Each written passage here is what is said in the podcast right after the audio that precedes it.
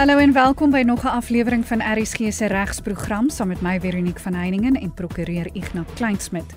Hy bespreek die week 'n luisteraarsbrief wat handel oor 'n derde party eis. Hy praat ook oor 'n eienaar van 'n deeltitel eenheid wat wil weet wat sy regte is met betrekking tot ander inwoners wat kla dat sy honde aanhoudend blaf. In die tweede deel van regsaake sluit strafregkenner Dr. Llewellyn Kerloos by my aan en hy verduidelik vir ons wat bekentenisse in die SA reg behels. So indien jy in die onderwerp belangstel, moet jy nou ingeskakel bly.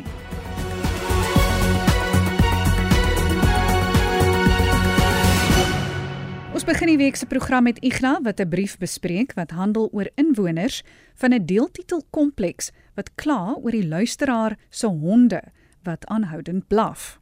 Ja, weer eens 'n baie hartlike goeiemôre aan al die luisteraars ook en jou Veronique en die ander kollegas daar by eh, RSG. Nou eerstens wanneer ek uh, vrae kry 'n spesialistgebied, is ek deeglik bewus van my eie beperkings.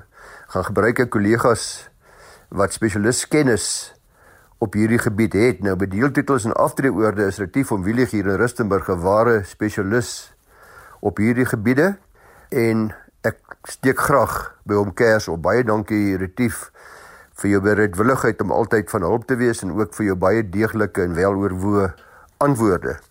Die eerste skrywe wat ek ontvang het is van 'n skrywer, Renier van Sail.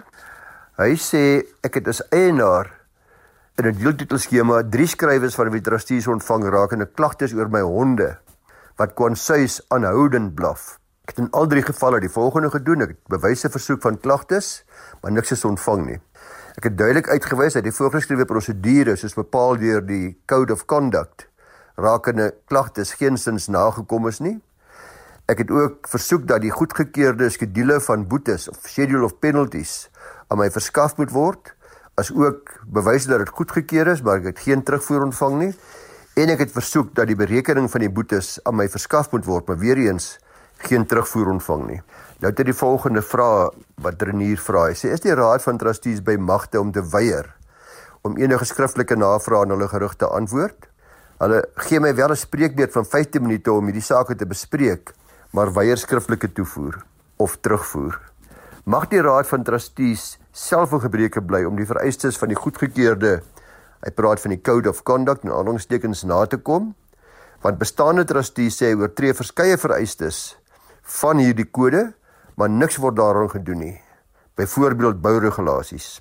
Dan sê hy die bestuurder van die ontwikkeling wat as werknemer voltyds die kompleks van 134 eenhede bestuur, wat nie 'n huurder of 'n eienaar in die kompleks is nie, is ook as trustee aangestel. Is dit toelaatbaar of strydig met enige vereistes vir die aanstelling van trustees? Dan vra hy ook mag die raad van trustees enige aksie soos die uitreik van aanmaningsbriewe en toeken van boetes eensydig instel sonder dat die eienaar die kans gegee is om meriete daarvan te evalueer en daarop te reageer. Natuurlik die bekende audi alterum partem beginsel wat toegepas moet word.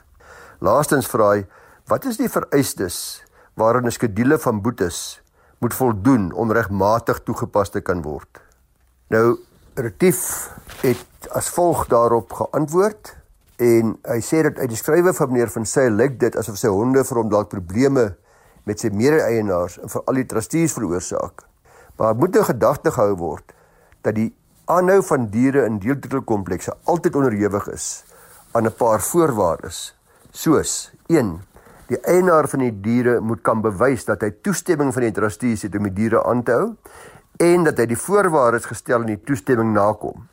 Dit sal dinge wees soos die aantal honde wat ek mag aanhou of diere of katte wat ek nogal die soort, die grootte van die diere ensovoorts. Verskil maar van kompleks tot kompleks. Gewoonlik vermeld die toestemming ook dat indien die diere 'n oorlas of 'n gevaar vir inwoners van die kompleks inhou, dan mag die trustees hierdie toestemming herroep en moet die diere dan verwyder word. So redelike sterk magte wat die trustees hier het. Meneer van Sail vermeld dat die trustees versoek het om hom van bewyse te voorsien dat sy honde onophoudelik geblaf het.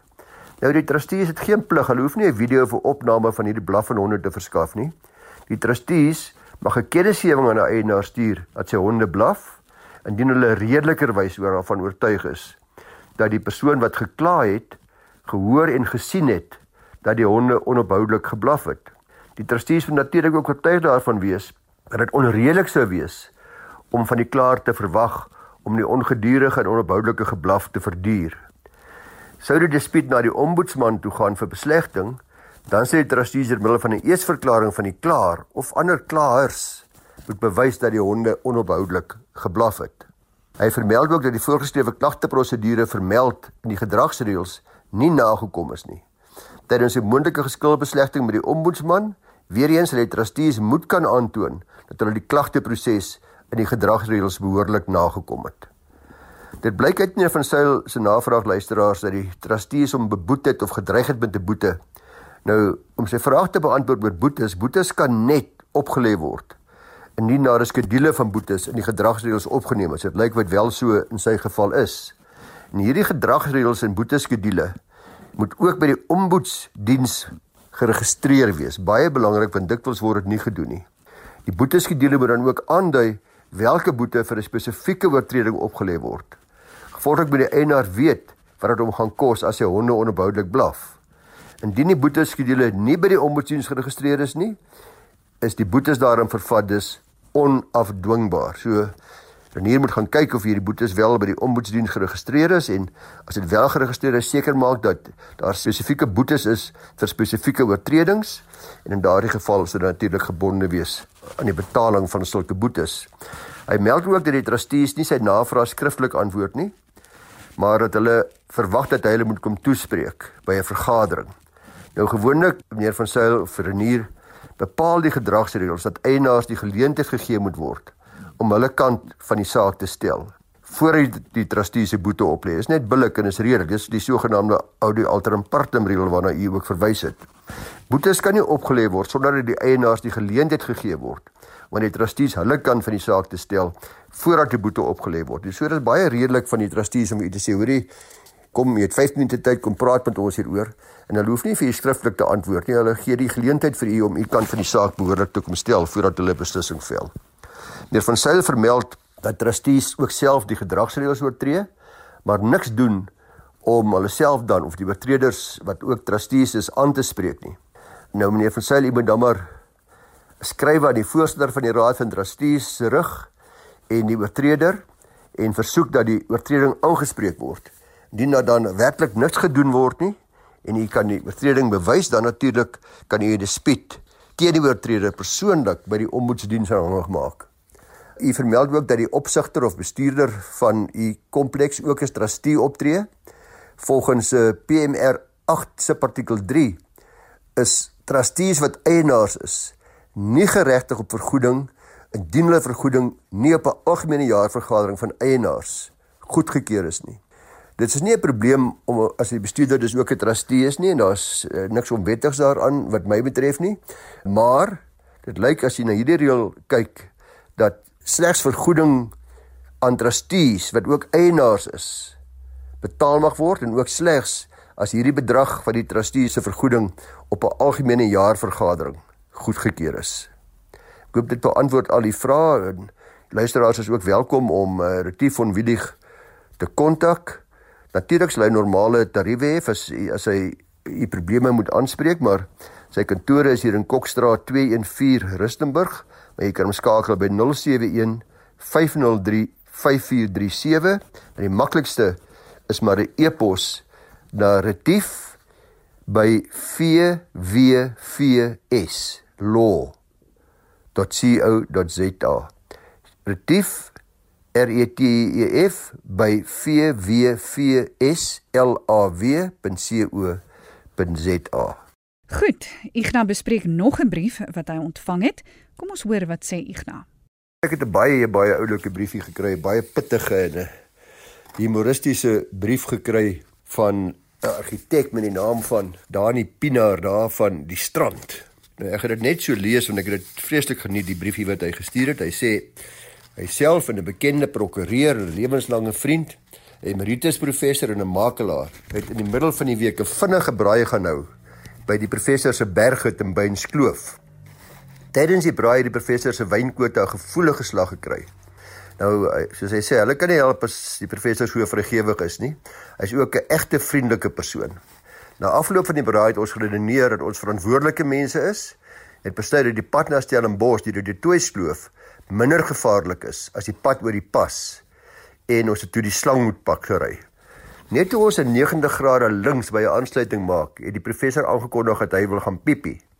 Die tydsduur tussen ek moet nou piepie en die uitklimslag was presies 1 kwart van 'n sekonde. Dis nou volgens die geheue van die argitek.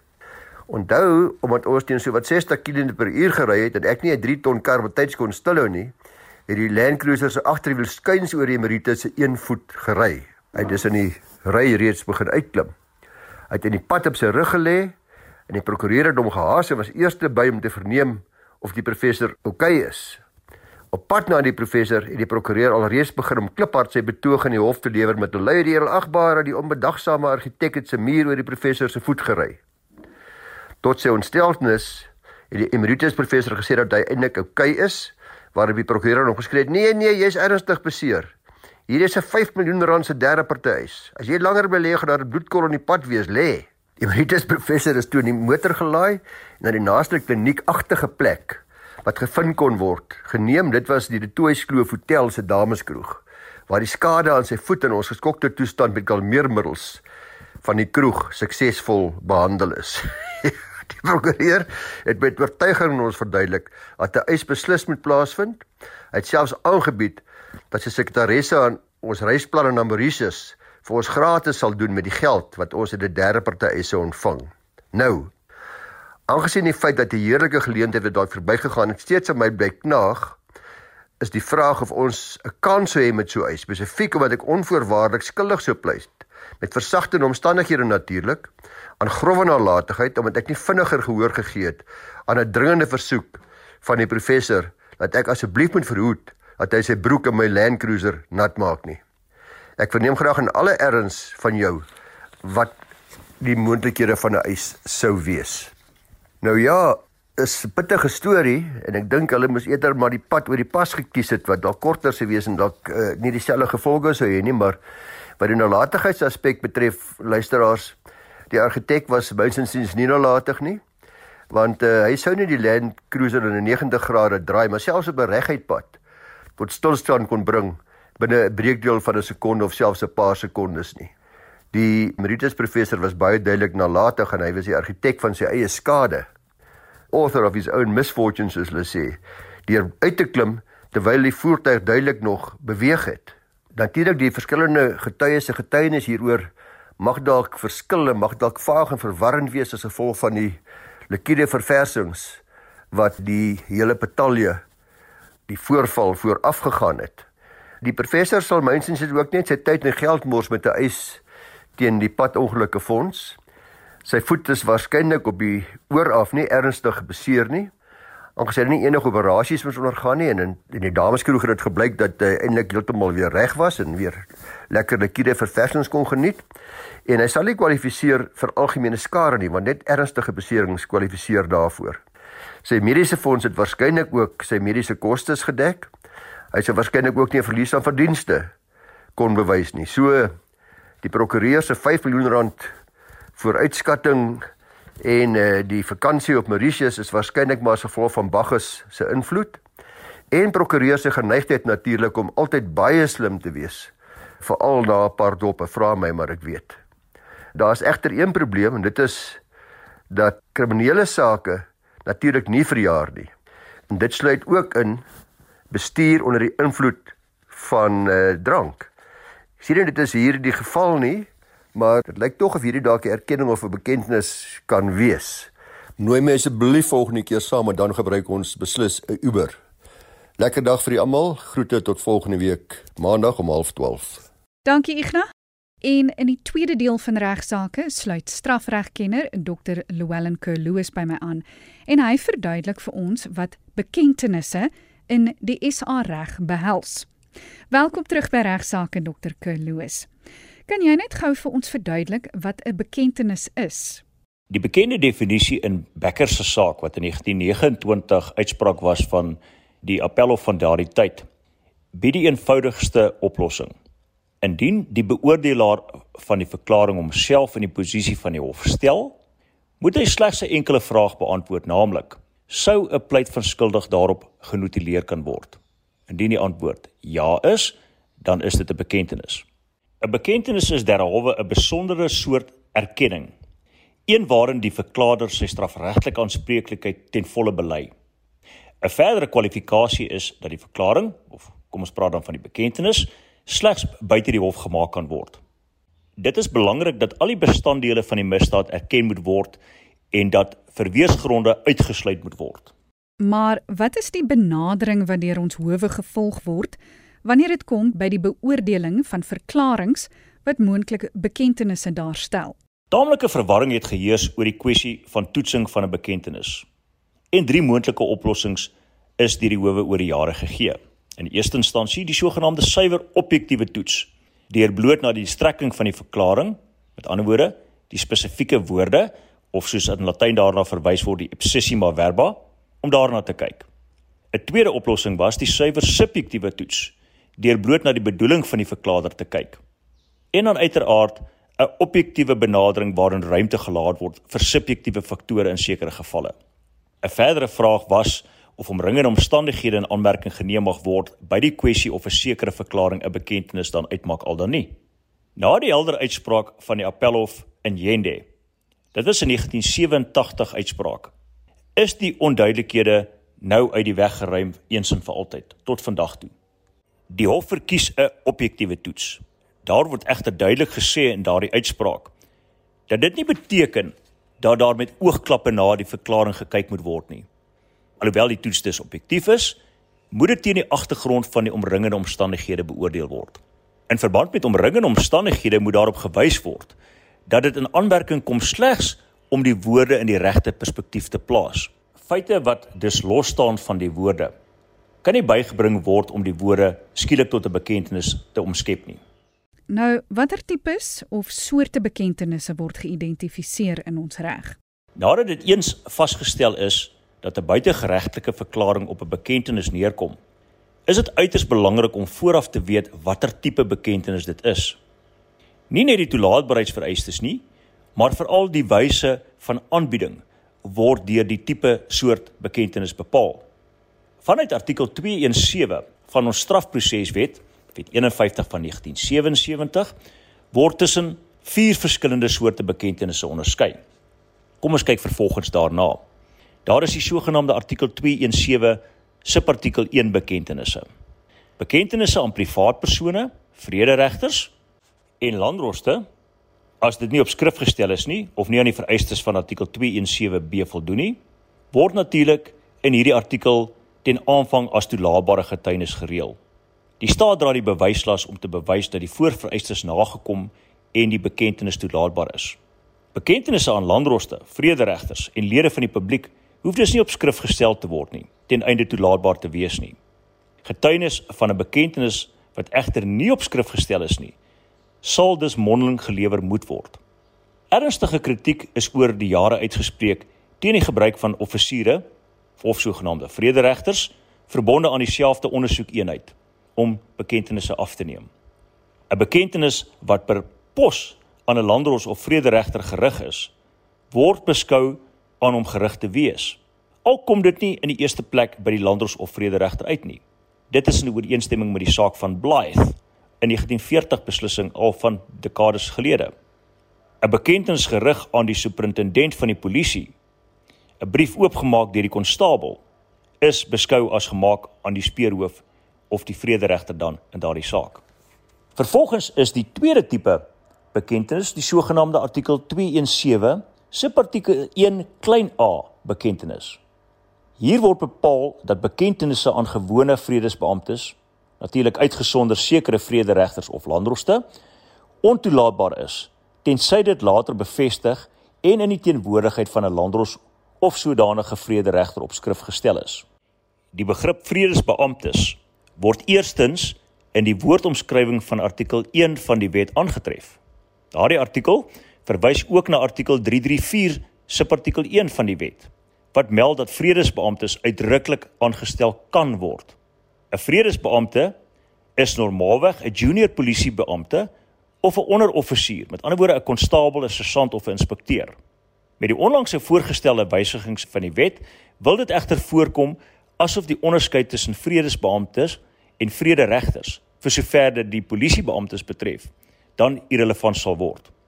Almal wat kragtens regulasie as vredesbeamptes aangestel is, word in 'n skedule getabuleer.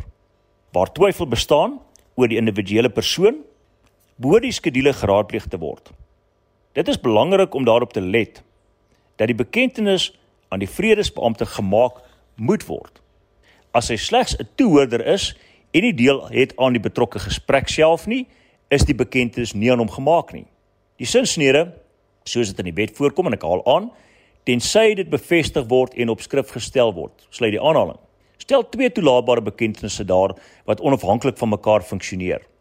Die staat sal natuurlik die bewyslas dra ten opsigte van die toelaatbaarheid van 'n bekendtenis aan die gewone vredesbeampte. En dit sal van die dokument van die landdros afhang of die bewyslas op die beskuldigde sal wees. Die geaardheid en toepassing van artikel 2171A van die wet het hy talle oorde al kritiek ontlok. Die vernaamste besware is dat die beperking onhoudbaar is en tot absurditeite aanleiding gee. Baie dankie aan Ignas Kleinsmid van van Velden Duffy Prokureurs in Rustenburg en aan strafregkenner Dr. Llewellyn Kerloos vir hulle bydraes tot vandag se program. Vir enige navrae stuur gerus 'n e-pos na my toe by vero@rsg.co.za. Van my Veronique van Heiningen groete. Tot volgende week.